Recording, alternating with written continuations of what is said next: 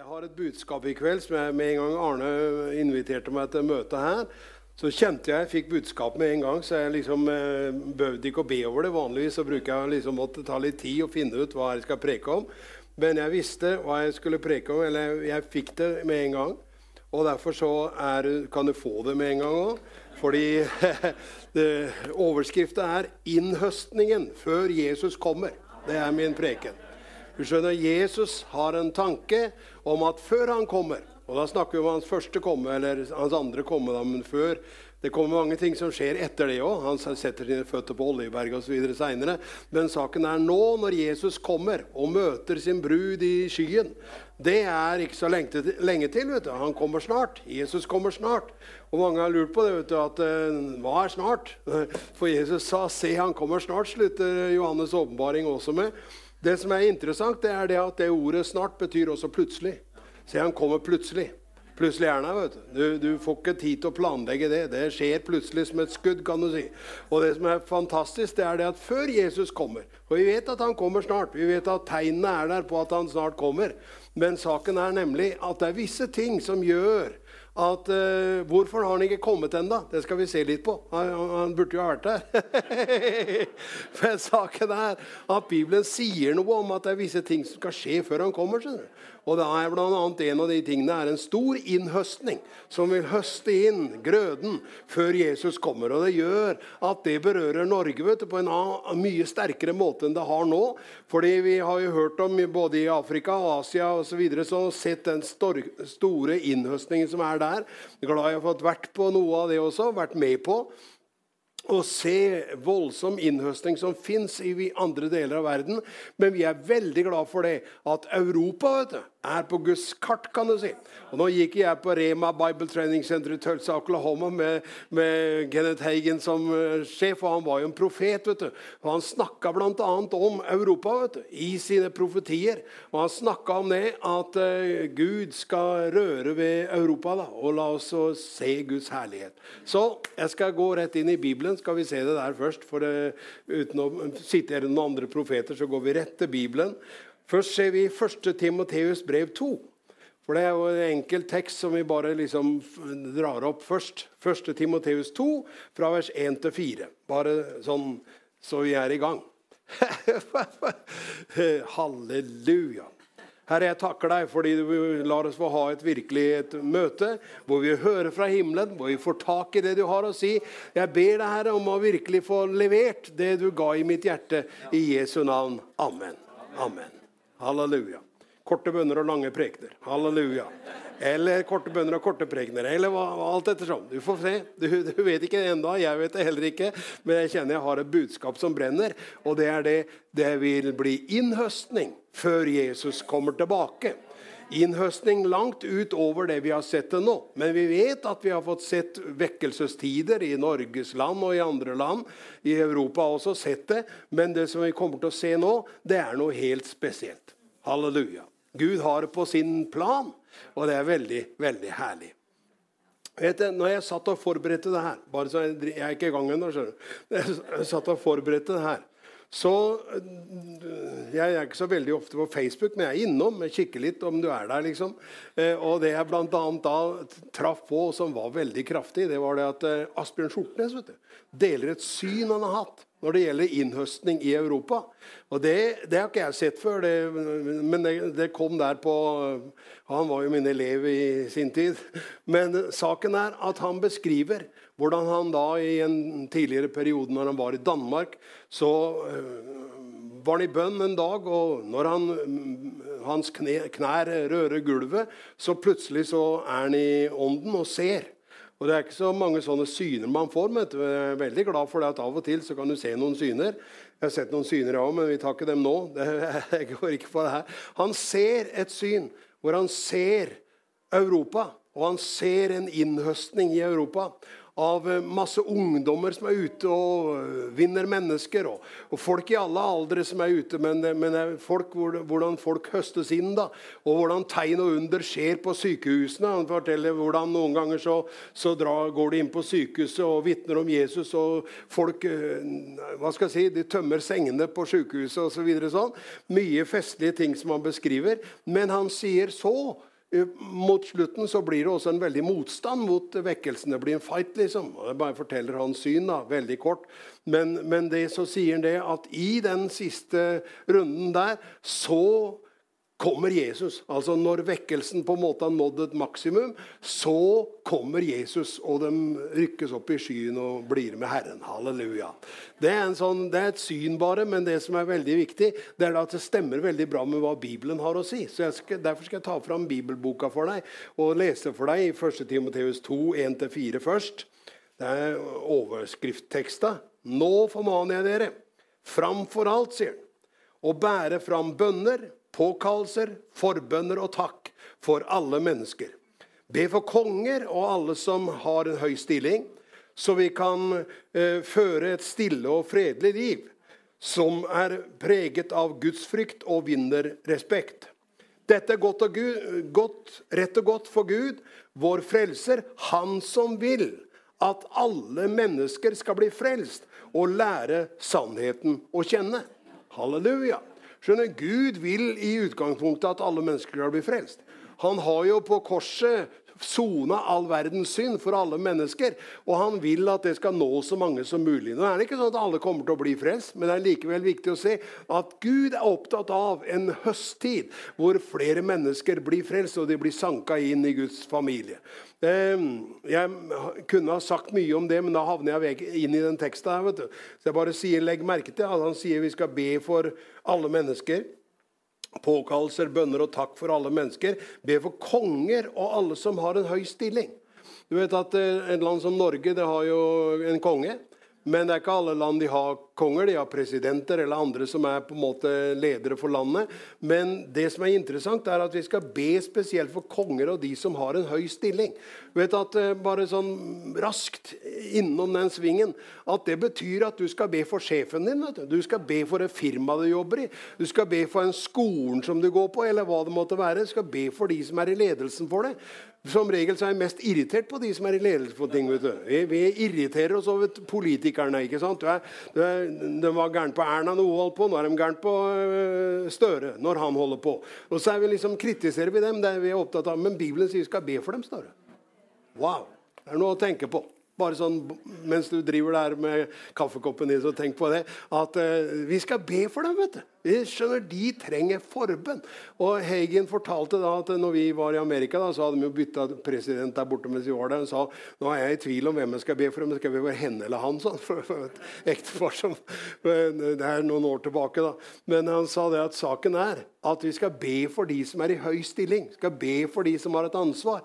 Hvorfor det? Jo, fordi det preger nemlig situasjonen i landet. Det er det han sier i neste setningen. at så vi, leve, så vi kan leve stille og fredelig liv som er preget av gudsfrykt og vinner respekt. Skjønner, saken er at De politiske omstendighetene i et land det preger vårt daglige liv. Det er klart Hvis du lever i et land hvor det er krig, så er det ikke så lett å, å leve som hvis du lever i et land som er fredelig. Og Derfor så skal vi be et, om et fredelig og stille liv som vi kan leve på en god måte. For vi ser det at det er uro mange steder i verden. Og det er helt klart at hvis du tenker på Norge, da, så er det ingen tvil om at uh, Norges land har hatt et folk som har bedt til Gud. Altså fedrene Eh, det står I noen av nasjonalsangene våre så står det eh, Fedrene har kjempet, mødrene har grett, men Gud den har stille lempet, så vi vant, vi vant og rett. Det er ingen tvil om det at de som skrev de nasjonalsangene der òg, hadde skjønt at eh, Gud er på arenaen når det gjelder et land. Og det er klart Norge er et velsigna land kan du si, på veldig, veldig mange måter. Så skal jeg ikke gå inn i det, for jeg er jo gammel lærer, men jeg må skynde meg ut av alt det der. for det er ikke det jeg skal snakke om. Jeg, er bibellærer, vet du. Så det er mer Bibel jeg driver og underviser deg om nå. Ok, dere. Se her. Hva, hvorfor vil Gud at det skal være fredelig og stille i landet? Jo, fordi han vil at alle mennesker skal bli frelst. Han vil at vi skal ha et fokus på menneskers frelse. Både de som er i høy verdighet, og de som er vanlige folk. ikke sant? Vi vil høste inn grøden. Og det er det vi skal snakke om i kveld. At det er halleluja, innhøstning før Jesus kommer tilbake. Halleluja. Ok, dere. Vi går, Jeg skynder meg videre forbi akkurat derfor jeg kunne mye, sagt mye om det å be for Norge og be for landet vårt osv. Så sånn. For det er helt klart det er, det, jeg, jeg husker Da jeg var rektor på bibelskolen, så hadde vi alltid en runde da på en av morgenene hvor vi virkelig tok og ba for Norges land. da. For det er ingen tvil om det, at vi skal be for landet vårt. Vi skal be for den. Så det er jo bra å ha med seg når du ber til Gud. Og I et bønnemøte så er det veldig bra det at vi ber for de som er høyverdige. Vi ber for landet landet, vi ber for folket. Vi tror at det påvirker den åndelige klimaet. kan du si. For det er ingen tvil om det, at dess mer vi ber, dess mer engler kommer det. Dess mer vi forløser Guds kraft, så mer herlighet blir det. Halleluja. Det er virkelig sterkt å oppleve at det, det fins perioder som jeg har levd igjennom, hvor det virkelig var en sånn bønnens ånd som tok tak. da. Da jeg for eksempel, gikk på lærerskolen i Halden, så var det sånn at i en to-treårsperiode der, så ble omtrent alle i de fri frikirkelige sammenhengen ble åndsdøpt. kan du si. Det ble åndsdøpt overalt, over en høy, lav sko. Og det er klart det fødte noe som gjør at jeg ser at de gutta og jentene som var der den gangen, de har noe enda, vet du. Det er fyr på peisen enda for mange av dem. Og det er veldig herlig. Halleluja. Det var bare sånn en parentes her. Skal, la oss gå inn i det jeg skal snakke mer om. Og vi går til punkt to. Første er 1. Timoteus 1, men vi skal gå til 2. Peters brev 3. Hold deg klar. Nå begynner prekena. du skjønner, i 2. Peters brev 3 så leser jeg for deg i vers 3 og 4 først. Først og fremst må dere vite at det i de siste dager skal komme folk som farer med spott og følger sine egne lyster. Hånlig sier de, hva med løftet om hans gjenkomst? Våre fedre er døde, men alt er som det har vært fra skapelsen av. Altså, Det fins folk som tenker sånn at Jesus kommer ikke. Eh, det er alt er som det alltid har vært helt fra skapelsen av.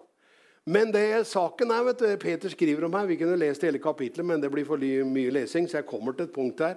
Men saken er nemlig, han sier det, at det er, det er hånlig, sier de, at hvor blir det av løftet om hans gjenkomst? Han kommer jo ikke. Eh, tiden går, og han kommer ikke. Da er jeg veldig glad for å gjøre deg oppmerksom på at han kommer. Jesus kommer snart. Halleluja. Og det, du vet at bare sånn by the way, Før vi går videre inn i den teksten, her, så saken den at jeg husker da jeg var ung. vet du, det er jo ikke lenge siden. Det var i forgårs. Jeg er fortsatt ung. Men jeg husker det at, eh, at eh, da jeg var 17 år, det var i 1967 Jeg er født i 1950. Jeg, vet du. 1967 da var seksdagerskrigen i Israel. Og da var det til og med sånn at oppe på bedehuset i Gjelsnes, der jeg bodde, til og med der var de opptatt av Jesu gjenkomst. Nå kommer Jesus snart, for det står eh, at Jerusalem skulle nedtråkte hedningens tid er til ende. Så nå er hedningens tid til ende, så nå kommer Jesus. Og de, de venta at nå kommer han, liksom. Så jeg husker jeg var 17 år, og jeg, du får ikke lappen før du er 18 minutter på bil. Så jeg tenkte får jeg noen gang lappen, liksom? Blir jeg gammel nok til å få kjørt bil? Du kan si nei, jeg har kjørt bil i mange år. så det behøvde ikke jeg bekymre meg for. Men jeg sier sier det at eh, folk var veldig opptatt i en periode av, av Jesu gjenkomst. Og de var opptatt av det i, i 1967, 68, 69. EU-avstemmelsen på 70-tallet osv. Så sånn, var, det var veldig sånn hot når det gjaldt de tingene der. sånn. Og Jeg gikk jo på lærerskolen etter hvert i den tida der, så jeg husker at en av, Eva, en av emnene på lærerskoleeksamen var før en folkeavstemning om EU. Eh, og så fikk du forskjellige ting. Så jeg skrev den stilen. da. Halleluja. Eh, det som er, jeg, skal, jeg skal komme inn på det vi skal inn på. Saken er nemlig at det var en bølge da hvor man var opptatt av Jesu gjenkomst. Mange var opptatt av det. I mange kristne sammenhenger var de opptatt av det. Men så, så liksom dabber den litt av. vet du. Det er noe som gjør at så, så, så, skjer det nye ting som gjør at plutselig så tar det av igjen. Og jeg har levd lenge nok til å være med i forskjellige bølger som har kommet. vet du. Maranata kom, det betyr 'Vår Herre kommer'. og det, det, De kom på 70-tallet, 60-tallet. Og Det var jo bl.a. her i Sarpsborg som noe av det begynte å ta av til å begynne med. Og så ser du forskjellige ting. Karismatiske vekkelsen kom, og mange forskjellige ting har kommet. Det har vært en, en åndsutydelse i de kristne sammenhenger som har vekka folk for det at nå kommer snart Jesus. Men han har ikke kommet til det. 1967 passerte, 71 passerte, 78 passerte. 1984, som folk har skrevet bøker om, du, at 1984 er et kritisk tall. Det kom og gikk. Han har ikke kommet. vet du. Eh, og du vil se sånn hele veien videre. Når, når det var tusenårsskiftet, 1999 og 2000, så husker jeg Amerika var de helt på tuppen. For vi, jeg var jo mye over i Amerika noen turer hvert år. Og da blant annet så husker jeg en pastor som sa det. at Tror du det at Jesus kommer nå? Ja, han kommer nå i 99 og år 2000 så kommer han, liksom. For det, det, det, er helt sikkert. Nå kommer han, liksom. jeg, jeg, jeg, prøvde å roe han litt ned og si at det er ikke noe profetisk at det årstallet kommer. Liksom, men de var veldig opptatt av det. De trodde f.eks. det at alle datamaskiner kom til å krokke. da. Når de gikk over fra 99 til 2000, så ville alle eh, datasystemer kollapse. Så jeg husker Hagen vet du, hadde humor, så han sa det. De sier at computeren kommer til å slutte han, når vi krysser år 2000. Jeg kan si sånn 'Min virker', sa han. Så pekte han på huet. Min virker. For det ble ikke noe av det der styret. vet du. De hadde Y2K. Jeg vet ikke om du husker det, men altså, det, det, var snakk om to, året 2000 osv. Men det kom og gikk, og han kom ikke. vet du. Så jeg lurer på hvor, Det er nettopp det det står Hvor blir det av løftet om hans gjenkomst? Og Da skal jeg si deg litt mer. Bli med deg ned til vers 9, 8 og 9 og 10. I 2. Peters 3 så står det sånn. For det står i vers 8 men én ting mine kjære må dere ikke glemme, for Herren er én dag som tusen år, og tusen år som én dag. Det er ikke slik, vers 9, det er ikke slik at Herren er sen med å oppfylle sitt løfte. Så det er viktig å forstå. Det er ikke, det er ikke sånn at Gud er sen. Nei, Du skal høre hvorfor det har tatt tid. Eh, han er ikke sen med å oppfylle sitt løfte, for, som noen mener. Nei, han er tålmodig med dere. For han vil ikke at noen skal gå fortapt, men at alle skal nå fram til omvendelse. Wow! Det er engelsk og betyr 'oi'.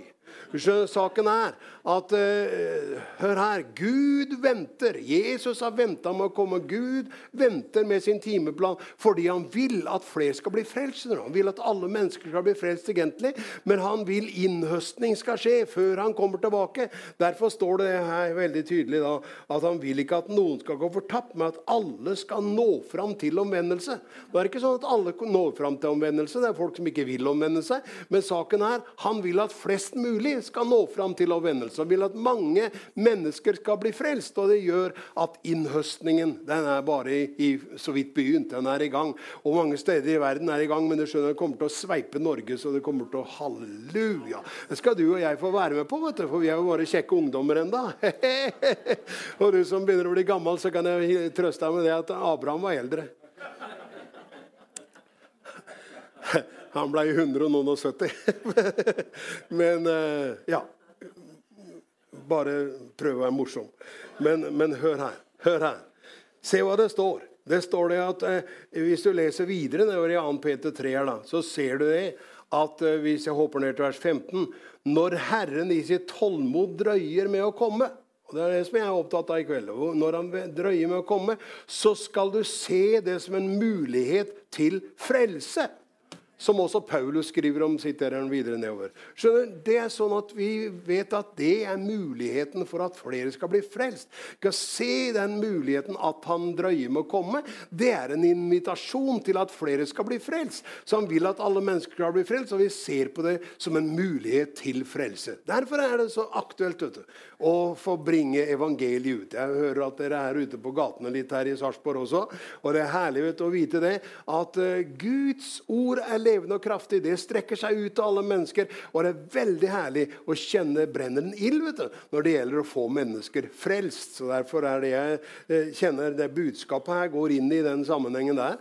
Eh, at uh, Hvorfor har ikke Jesus kommet ennå? Nei, Han vil at enda skal flere skal bli frelst. Han drøyer i sitt tålmod, for han vil at, flere, at alle mennesker skal bli frelst. Han vil frelse flest mulig folk, kan du si. Halleluja. Hvis du, hvis du da f.eks. tenker på Afrika, så husker jeg Reinhard Bonke, som vi hadde gleden av å ha i Norge et par ganger og flere ganger. Arne hadde god kontakt også med han. Saken er nemlig den at, eh, at uh, Reinhard Bonke han hadde det temaet i Afrika at uh, 'Africa shall be saved'. Sånn. Afrika skal bli frelst. Og han sa vi skal tappetsere Afrika fra Cape Town til Kairo. Sånn. Skal Feiekosten skal gå gjennom hele Afrika og gjøre folk bli frelst. Det er ingen tvil om at Afrika har virkelig fått et besøk fra himmelen gjennom den perioden. der. De er ikke ferdig med det, men det skjønner, begynte i Cape Town, og det gikk oppover. Og jeg er veldig glad for at vi fikk gleden av å være et par ganger når han var på noen av de stedene. Jeg husker det teltet de hadde i Zimbabwe, eller hvor det var hen. Så hadde de et telt vet du, som de skulle ha for, for å ha folk eh, ja, Du tenkte tak over hodet når du hadde møter. Så var saken at teltet, teltet ble altfor lite. Det var bare plass til et par tusen mennesker der. og det, Hva var det? Det, det, det, ble, det ble jo 70 000 på noen av de møtene. Det ble jo så mye folk at det var ikke kjangs å, å uh, ha det i et telt. Så jeg husker de solgte hele teltet og delte det ut uh, til, til, mange forskjellige mindre steder som kunne ha teltmøter i resten av det teltet som de hadde. Da. Men saken var nemlig den at de skjønte da vi må ha det open air meetings da i, Ameri nei, i Afrika. Så de hadde jo kolossalt sterke, store møter som var i Afrika på den perioden der. Og mange av oss var nedom der og smakte på det. Det er fint å se også du, at i Amerika så var det noe lignende som skjedde på 50-tallet. Når Healing Revival gikk fram, så var det sånn at uh, teltene ble for små. vet du. De hadde, Oral Roberts hadde liksom De, de krangla om hvem som hadde størst telt. Oral Roberts hadde et telt som det var plass til så mange tusen. Men så var det andre som sa nei, vi har et telt som er tre meter lengre. liksom. Hva er det for noe tull? liksom? Saken var å få mennesket frelst. ikke sant? Og jeg har hatt gleden av på den bibelskolen jeg underviser, så har jeg hatt gleden av å se en del eh, filmer fra noe av det som skjedde på 50-tallet, hvor f.eks. Oral Roberts da ber for syke. Det er virkelig verdt å se på. altså. Det, er virkelig, det går an å finne det på nett, og sånn, men det, saken er at jeg, eh, jeg husker hvordan han hadde møter da, hvor han sjøl var jo hadde jo tuberkulose, holdt på å dø. ikke sant? Ble kjørt i en Eh, bak i en varebil til et møte hvor søstera hans hadde skjønt at de bar for syke. Så de tenkte at dit må Oral komme og bli helbredet. Og han kom dit og ble helbredet. Og ikke bare det, men han ble kalt. Det var I 1948 så fikk han kallet til å forkynne i Amerika evangeliet. Og det samme perioden var det Osborn også oppdaga det, at vi må nå hele verden med evangeliet. Og de hadde virkelig en, en, en oppblomstring fra 1948 til 1959, elleveårsperiode. Så var det sånn at eh, Hagen sier at alt du ba for, ble helbreda. Det det var overalt var det under og tegn overalt. Det, var liksom, det, det bare skjedde eh, som en bølge fra himmelen akkurat da. Og du sier hvorfor stopper det der? Ja, det er mange ting å si om det. Men det tidlig, det virkelig herlige er at sånne bølger kommer vet du, av Guds vekkelsestider, hvor det virkelig da blir en innhøstning. Vi har hatt noe av det her i Norge òg, men i mye mindre skala. Derfor sier jeg vi ligger godt an. vet du for å kunne være med å høste inn i den tiden som nå ligger foran. For Det er ingen tvil om at tegn og under og kraft hører med i den pakka her. Ingen tvil om det at Gud vil ikke bare frelse alle mennesker. Nei, så at veldig ofte når mennesker blir frelst, så skjer det i forbindelse med tegn, under og helbredelser. Derfor vil du se det vet du, at når Jesus sjøl holdt på, ikke sant, så var det jo sånn at uh, når de kom med den lamme mannen gjennom taket, så starter han med å si, 'Sønn, dine synder er deg forlatt'. Men så, når han da kommer ned på bakken, så, så, var han jo lam, egentlig. Det var derfor de bar til et teltmøte. Eller ikke et teltmøte, det var et møte i Peters hus. der da, før teltene. Men det var sånn at de kom og hadde han opp på taket. Og jeg har vært der og sett hvordan det huset så ut. da. Men saken er at eh, når han landa i folkemengden der i, i uh, Kapernaum, så var det sånn at uh, han er lam. Og Det var derfor de hadde båret den inn, for det var så mye folk. du, så de fikk en ikke inn, Han kunne ikke gå inn. og han ikke kunne, De kom ikke gjennom pga. folkemengden. Det er veldig herlig. skjønner du, Det var så mye folk som skulle høre Jesus. Og Så tar de han opp på taket, og så lager de et høl, og så firer de ned den lamme mannen. Og Han sier først til han, mens han svever ned, så sier han, 'Sønn, dine synder er deg forlatt'. For det er det det begynner med. vet du. Det er å få tilgivelse for sine synder. Det er å bli frelst. Men så, når han når bakken, vet du, så, så blir det diskusjon, da. Fariseerne er alltid ute og spør hvem kan tilgi synder uten én. Det er Gud. Og da sier Jesus for, å, for, at dere skal vite at menneskesønnen har makt på jorden til å forlate synder. Så sier han den lamme, stå opp, ta din båre eller ta din seng og gå hjem til ditt hus. Og han reiser seg opp og trilles, tar senga under armen og reiser og går hjem. ikke sant? Og det blir, og det, Dette står med i Markus 2, blant annet, så ender det i vers 12, hvor det står det Slikt har vi aldri sett, sa folket. Man har aldri sett sånn som det før. Men det var nettopp den vekkelsen Jesus sjøl hadde da han var på besøk her. Så var det sånn Han bare kjørte på sporet for at vi skulle vite at dette er sporet. Det er å få folk frelst og helbreda for sine sykdommer sykdommer. Det var en del av pakka sånn som det begynte. Snakker jeg for fort? Nei. Jeg, først når jeg var evangelist, så sa han du snakker så fort, Åge. Men det, det bør du ikke tenke på. Snakker, nå er jeg blitt eh, eldre, vet du, så snakker jeg roligere. Men eh, jeg husker den tida da jeg snakka veldig fort. da. Så var det sånn at eh, Jeg spurte Jesus om det. og De kritiserer meg for jeg snakker for fort. Så hun får ikke tak i alt jeg sier. Ja, er saken den, sa han, at har du ikke lest det står 'såre hastig løper hans ord'. Så det er Bibelen, det. Og dessuten har du vel lest Eli, Elihu i Jobbs bok, sånn, som, som, det står at 'ånden i mitt indre driver meg, er full av ord, jeg må tale for å få luft'. Jeg er som skinn, nysfilte skinnsekker som vil revne, sier jeg. jeg må tale for å få luft. Og det er en veldig herlig sånn beskrivelse av hva det er å være inspirert. Du er full av ord. Og det, jeg kjente det at takk skal du ha, det, det, det holder. Jeg er ikke klart meg med det. Men så har jeg lært meg etter hvert, så forklarte meg noe mer. Han sa det. Du er jo egentlig lærer, sånn. En av de tingene som en lærer gjør, det er at han repeterer. Han gjentar det han har sagt. Så hvis du snakker så fort at folk ikke får tak i det du sier, så er det en bra måte sånn. Det er da du tar en runde til og en runde til. Og så plutselig så detter polletten ned hos folk ikke sant? når du får hørt det tredje gangen, fjerde gangen. Og det er herlig. Så, så hvis du lurer på Åge, det jeg hørt deg snakke om det her før. Ja, men uh, plutselig fjerde gangen så detter polletten ned hos deg. vet du. Så får du tak i hva vi snakker om. For vi snakker om Guds kraft, vi snakker om frelse, vi snakker om helse, vi snakker om framgang for evangeliet og innhøstning i Norges land. Halleluja, sier jeg da. Du vet at jeg har med på hjertet, så jeg må skynde meg. Eh, jeg har det travelt Jeg sier Nei, men du vet at en preken skal ha, liksom skal være, være innen visse, visse, rammer når det gjelder tid og sånn. Så det går bra. Hør her. Bli med meg til Jakobs brev. For du skjønner, vi ser på det at, um, at det var innhøstningen før Jesus kom. Vi har sett på 2. Peter 3, og vi har sett i 2. Peter 3,9 og 3,15.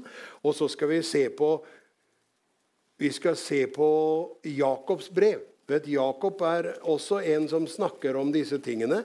Og i Jakob 5 så vil du se i vers 7 og 8 noe som har med akkurat samme sak å gjøre. Peter snakker om det, Jakob snakker om det, Paulus snakker om det. Og så blir det sånn at Før Jesus kommer det vil være en innhøstning. Det er sånn at det blir en innhøstning. Det, han venter i sitt tålmod, for han vil at alle mennesker skal bli frelst. Hvis du ser i Jakob, da. Hvis du har en bibel, kan du bli med over til Jakob 5 og se vers 7 og 8. Nå leser jeg en oversettelse som kanskje ikke er den du har akkurat foran deg, men det spiller ingen rolle. Det står det samme sånn grunnleggende i alle oversettelser. Jakob 5 sier i vers 7.: Vær da tålmodige, brødre og det gjelder jo selvsagt også søstrene. Mm, søsken, står det egentlig. Vær da tålmodige søsken inntil Herren kommer. Hør nå. En bonde venter på jordens dyrebare grøde. Han må ha tålmodighet til både høstregnet og vårregnet har falt. Så må også dere være tålmodige og ved godt mot, for Herrens komme er nær. Wow! Du skjønner det? Herrens kommer nær, og han sier vi må vente. Hvordan skal vi vente på Jesus? For du tenker ja, nå kommer Jesus, nå kommer han snart. Jeg er nervøs for han kommer. Og så sånn. Hvor fort går oppover når vi blir rykka opp og alt sånt. Det er ikke noe problem. vet du. Det ordner seg sjøl. Det som er saken, er nemlig det. Saken er at han sier dere skal vente sånn som bonden venter på jordens dyrebare grøde. Vi skal ikke bare vente på at han kommer i skyen, vi skal vente på det at jorden skal gi sin avling. Det fins en høsttid. skjønner du. Det er akkurat samme tanken, at en innhøstning kommer før Jesus kommer. Som er det at vi skal ha tålmodighet til både høstregnet og vårregnet har falt. Skjønner, Det var sånn i Israel. ikke sant? Man hadde, hadde regntider før innhøstningen kom. og jeg kan si det noe om det etterpå, Men du skjønner, det interessante er det at vi skal være tålmodige og vi godt mot. står det. For Herrens komme er nær.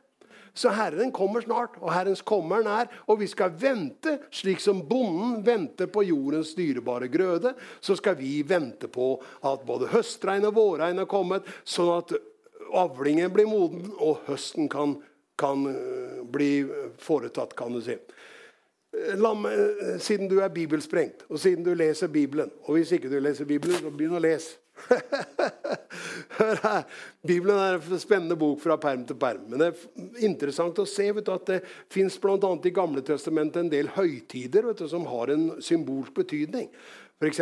påsken er eh, Jesu kors og forsoning. Pinse er eh, pinsedagen og ånden falt osv. Så sånn. Men det står mer om andre ting om pinsefeiringa i Gamle Testamentet. Og det pinsefestens dag var kommet, så, det, så falt Den hellige ånd. ikke sant? Og så vil du si at En annen eh, fest som er nevnt da i Israel, det er løvhyttefesten.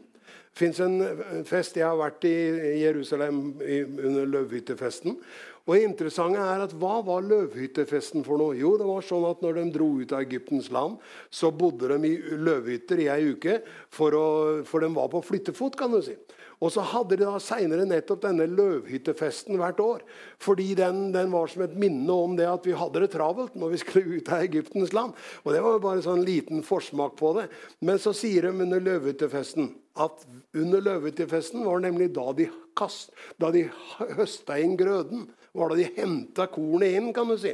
Derfor skal jeg lese for deg noe av det som står vet du, i Tredje Mosebok. er det vel? Ja, Tredje Mosebok så står det i eh, Tredje Mosebok så står det i kapittel 23 og eh, Det står om de forskjellige høytidene nedover her, da, men så står det sånn at eh, hvis du blir med ned til vers 33 i andre Mosebok 23, 33, 34. Ja, vi begynner i 34. vi. Fra den 15. dagen i den sjuende måneden skal dere holde løvhyttefest for Herren i sju dager.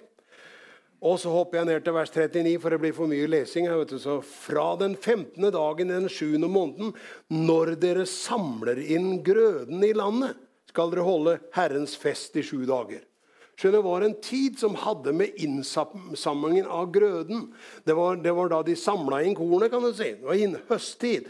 Og så går du litt lenger ned, så ser du i vers, eh, vers, vers, vers, vers Skal vi se 42 Nei, 41. Eh, så skal dere hvert år holde høytid for Herren i sju dager. Dette skal være en evig lov for dere deres, og deres etterkommere. I den sjuende måneden skal dere holde denne festen. Da skal dere bo i løvhytter og i sju dager. Eh, alle som er født i fostret i Israel, skal bo i løvhytter. Og så forklarer han det at den løvhyttefesten den hadde med når det samler inn landets grøde. Hør her. Disse festene i Bibelen er, er festlige. det er vel verdt å studere. Men ikke for mye. Du må ikke havne der at du liksom blir eh, halvveis jøde pga. det. Nei, saken er at løvhyttefesten du, har en symbolsk betydning. Akkurat som påsken har, akkurat som pinsen har, så er det sånn at løvhyttefesten handler om da skal grøden ha, samles inn. Og Derfor tror jeg at vi lever i en tid da det er tid for å samle inn grøden. Det fins en fest, en festreise skjønner du, i Guds menighet som gjør at vi skal samle inn grøden og bringe den i hus. Det er vidunderlig å skjønne det. For det var det nemlig Jakob sa. Tilbake til Jakob. vet du, var der vi egentlig var. Vi var i Jakob 5, og så sier han det. Unnskyld farta. Men i Jakob 5 så sier han akkurat det. At han sier øh, Det står 'vær tålmodige' i Jakob 5, 7. Vær tålmodige, brødre, inntil Herren kommer. En bonde venter på jordens dyrebare grøde. Han må ha tålmodighet til både høstregn og vårregn har falt. Så må også dere være tålmodige og ved godt mot, for Herrens komme er nær. Så skjønner Jesu gjenkomst har noe med en feiring av innhøstningstid. Og Det er det jeg har på hjertet i kveld. At Gud vil vi skal høste inn før Jesus kommer. For da han kommer, vet du, så er det for sent for de som blir igjen. Men saken er nemlig at eh, det gjelder å være klar til han kommer. Halleluja. Og jeg er veldig glad for det. At uh, eh, det fins en vekkelse i Guds menighet på det at nå kommer snart Jesus. Jesus kommer snart. Halleluja for det. Jeg sa det at eh, det har vært ulike bølger opp igjennom. Og eh, noen har hatt vekkelser som hadde navnet Maranata, som betyr 'Vår Herre kommer'. Og Det er interessant, men det som er interessant er det at Maranata-vekkelsen mer kom og gikk, ikke sant? men Jesus kom ikke. Så han kom ikke da heller. vet du. Hvorfor har han ikke kommet? Nei, for han vil at grøden skal komme helt i hus. Du skjønner, Det er veldig herlig med et vekkerrop som, som uh, vekker folket. At nå, er, nå, kommer snart Jesus. Men det er enda mer viktig at vi får gjort den jobben med å høste inn grøden før han kommer. Og Derfor er det så fint å kunne bruke den tiden som er nå, til å vinne mennesker, høy og lav, rik og fattig, Tykk og tynn, ung ung gammel. Du skjønner, Gud vil at alle mennesker skal bli frelst. Halleluja. Jeg skal gi deg ett ord til slutt. For nå har jeg sikkert holdt på lenge nok snart. Men i Jakob 5, der vi var, så skal du se noe mer. Det står om tålmodighet, vet du. For jeg er nemlig sånn at noen ganger en av de tingene som gjør at lufta går ut av sånn 'Jesus kommer snart'-vekkelser, det er nettopp det at uh, det går på tålmodigheten. Hvor lang kondis har du når det gjelder å fortsette med det at Jesus kommer snart? For Jesus kommer. Det er ikke at du skal bare være opptatt av det, men Jesus kommer snart. Du må ikke glemme det, at Jesus kommer tilbake. Han henter sin brud. og Derfor er det så fint å se hva det står lenger nede i Jakob 5. da, Så står det i vers 11 så står det 'dem som holder ut, vi priser salige'. står det. Du skjønner, De som holder ut. Dere, dere, har hørt om Jobbs utholdenhet. Når du leser Jobbs bok, vet du, så har den utholdenhet. Og har sett hvordan Herren lot det gå med ham til slutt. For Herren er rik på medlidenhet og miskunn. Jobb hadde selvsagt det var før forsoningen kom, altså, så han var, han var syk og han var plaga. Men han ble satt fri til slutt. Det skjedde at han ble helbreda. Og Jobbs siste dager du, ble en glansperiode hvor han, hvor han, fikk sønner og døtre. Og det virkelig tok av i Jobbs liv, kan du si. Det er det som Jesus da, eh, Bibelen da prøver å minne oss om. At akkurat som Jobb var tålmodig gjennom sin trengsel, så var det sånn at han kom ut på andre siden, så ble det full seier. vet du. Han fikk flere eh, døtre, han fikk flere sønner. Fikk, eh, det, det, tok av i hele slekta hans.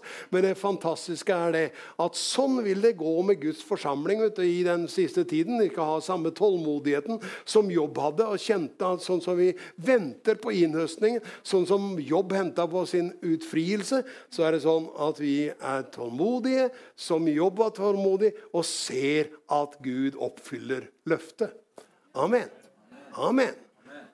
Eh, nå skal jeg begynne å pakke sammen eh, snippesken her, men det er mer å si om saken. Men jeg må lokke igjen bøkene mine. Hør her. Nå er vi i Sarpsborg. Nå er vi på møte i Norge for Kristus. Det er et bra tema. vet du. Norge for Kristus. Halleluja. Skjønner du? jeg, Honnør til Arne og Laila, vet du, som har hatt, de har hatt utholdenhet, kan du si. Og de har vært igjennom noen runder opp gjennom livet. Men det er fantastisk er vet, at dere lever, og Jesus lever. Halleluja. Og vi er ikke ferdige ennå, Arne. Det er herlig. Det er herlig. Du, jeg bare må si det at eh, dere har betydd kolossalt uh, mye for mange. Og uh, det er klart, jeg glemmer aldri første gangen da du virkelig kom og og sparka oss fra land på enkelte ting som hadde med evangelisering. Du har alltid vært opptatt av å bringe evangeliet ut, så vi kjørte med biler med Norge for Kristus på osv. Så sånn. Det var bare et budskap av det at eh, Jesus han måtte ut blant folket. Halleluja. Og Det er nettopp det som fortsatt brenner. vet du. Norge for Kristus har den flammen i seg. At vi skal ut og vinne mennesker. Derfor sier jeg det at Gud taler til deg i kveld. Han taler til deg, både som er gammel og ung, så sier han det. At dette må du få inn i hjertet ditt. Det blir en innhøstning før Jesus kommer. Du har en rolle å spille i den sammenhengen. Det er klart alle predikanter, predikanter bør bli tatt av den vekkelsen. Men det er også sånn at alle troende For Gud sa dere skal få kraft, sa han. Dere skal være mine vitner i Jerusalem, Judea og Samaria og like til jordens ende. Og det er jo Norge. Den ligger jo på Tjøme. så, så, du vet at dere skal få kraft i Den hellige ånd kommer over dere. For de lurte på er det på den tiden du gjenreiser riket for Israel. Og Da svarer Jesus at, eh, svarer det at det er, ikke, det er ikke deres sak å vite tider og timer som Herren har fastsatt av egen, egen makt. Hvem dere skal få kraft. I Den hellige ånd kommer over dere og skal være mine vitner. I Jerusalem, Judea, Samaria, like til jordens ende. Så med andre ord, vi er i den tiden hvor vi får kraft fra himmelen til å være et vitne om Jesus i Jerusalem, Judea, Samaria og like til jordens ende. Og Da er Europa aktuelt på kartet i Guds tankegang. fordi det har vært mange andre steder i verden som har virkelig hatt sin høsttid. Det er ikke det at høsten er slutt der, det går så det griner mange steder i verden. Men det fantastiske er det at Norge skal også bli frelst. Norge skal bli frelst. Europa skal bli frelst. Vi skal få se Sverige skal bli berørt av Guds herlighet. Og eh, det, det er fantastisk det at eh, i førsten, når jeg begynte å preke sånn i neste gir av min forkynnelse, så var det mye ting som skjedde i Sverige vet du, som, som stupte over til Norge. kan du si. Og det er jeg veldig glad for. At uh, vi, vi, vi, vi, var så mye inspirert fra Sverige. så Jeg husker jeg prekte jo svensk når jeg var i Sverige. Så brukte jeg en svensk bibel.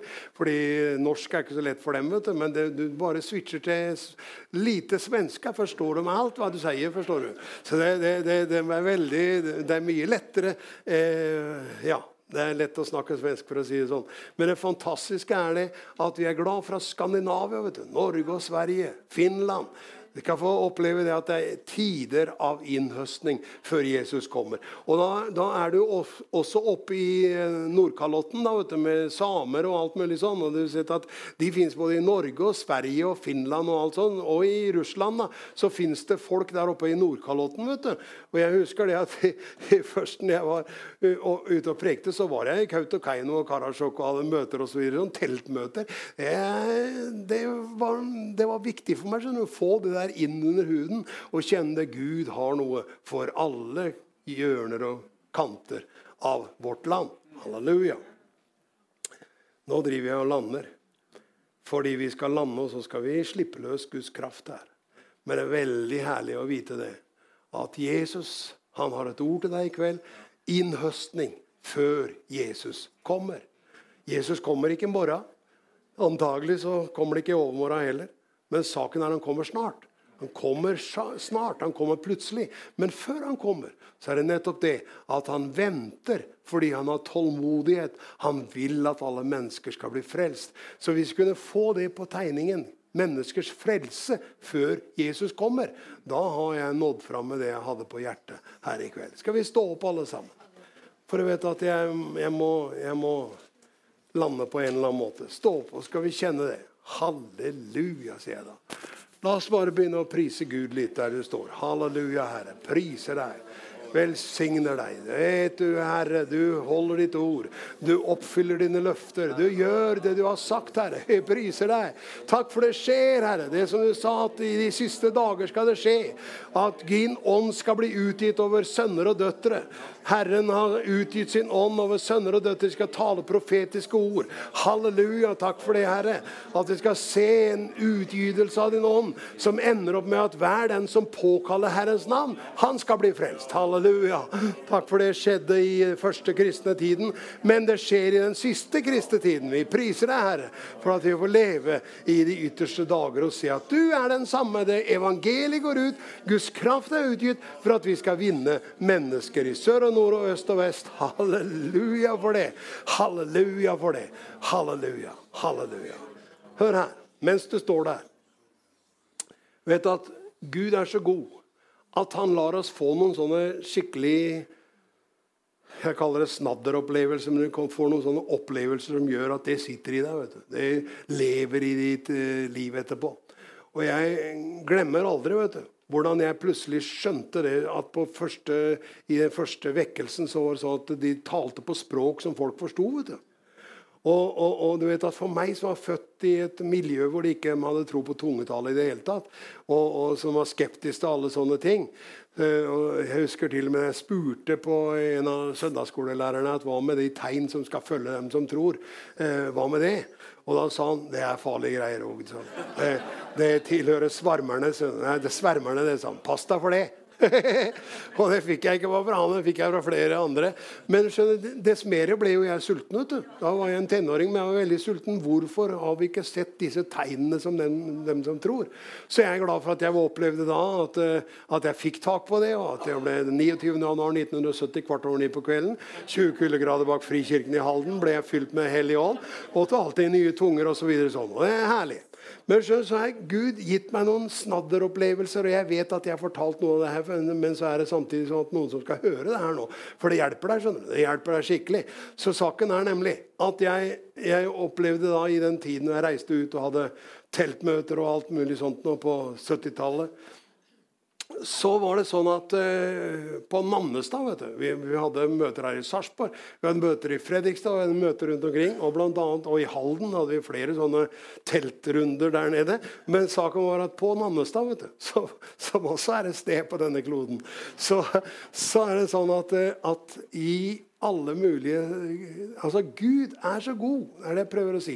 Han er så god at fordi jeg hadde vokst opp med en skepsis til det med tungetale og alle disse tingene som de sa det hører svermerne til, da er jeg veldig glad at jeg er blitt en fullblods svermer. Halleluja. Eh, det er nemlig ikke svermerne, men det er bare de kalte det det. Men saken er nemlig at på et møte der oppe i Nannestad så var det sånn at vi ba for syke. og det var mange som opplevde å bli helbredet. og Da kommer forstanderen til meg og spør. og Jeg vet du har hørt det her 70 ganger før, men det, det, det sier det til de tre andre som ikke har hørt det før. Du skjønner, Saken er at, eh, at da kommer forstanderen i den menigheten i Betania Maura. Jeg vet ikke om han lever enda lenger. Men han kommer til meg og sier 'Kan du samisk?' sa han. Nei, jeg kan ikke samisk. Jeg kan norsk, og jeg kan lite grann svensk, og så kan jeg engelsk og tysk og fransk. Uh, så, så, men det har jeg lært på skolen. vet du. Det er ikke, det er ikke overnaturlig, det. Men saken er, nei, det er en same i menigheten her. Sånn, og det viser seg etterpå han var en finsk same. da. Uh, det er en same i menigheten her som lurer på kan du samisk. For i går kveld når du ba for syke så sier du til han på klingende samisk 'Jeg, Herren din Gud, legger mine hender på deg og helbreder deg'. Sa det til han på samisk. Og han lurte på visste du at han var same. Hva var det, liksom? Og jeg sa 'Hils samen og si han har blitt frisk'. For det er klart, samen var frisk. For hvis ikke, hvis ikke samen var frisk, så måtte det jo vært helt gærent. For det, hvis jeg sier, da, som ikke kan same, sier til han 'Jeg, Herren i Gud, legger mine hender på deg og helbreder deg', ja, da er samen helbreda. Ellers er det juks alt sammen. Da er jeg enig i at det høres svermende til. Men samen var frisk. vet du. Han var rundt 50 år den gangen og levde et langt liv. Og døtrene hans gikk på bibelskolen hos oss seinere og fortalte det, du, at det ene av dem var jo en tenåring den gangen han pappa kom hjem og var så begeistra for han ble bedt for på møte og blitt helbreda, og jeg hadde snakka samisk til ham. Men det, det, gjør at disse overnaturlige tingene hører med i den vekkelsen vi har. Og jeg har en innflytelse av Guds ånd. Men du bør ikke være redd for du, å slippe løs tungetale og glede og frihet og sang i ånden og alt det som måtte følge med. For skjønner, Det hører med som et tegn. Disse tegn skal følge dem som tror. I mitt navn skal de drive ut onde ånder, tale med nye tunger. De skal legge hendene på syke som blir friske. Du skjønner, Det er fantastisk å kjenne det her hører med i vår pakke.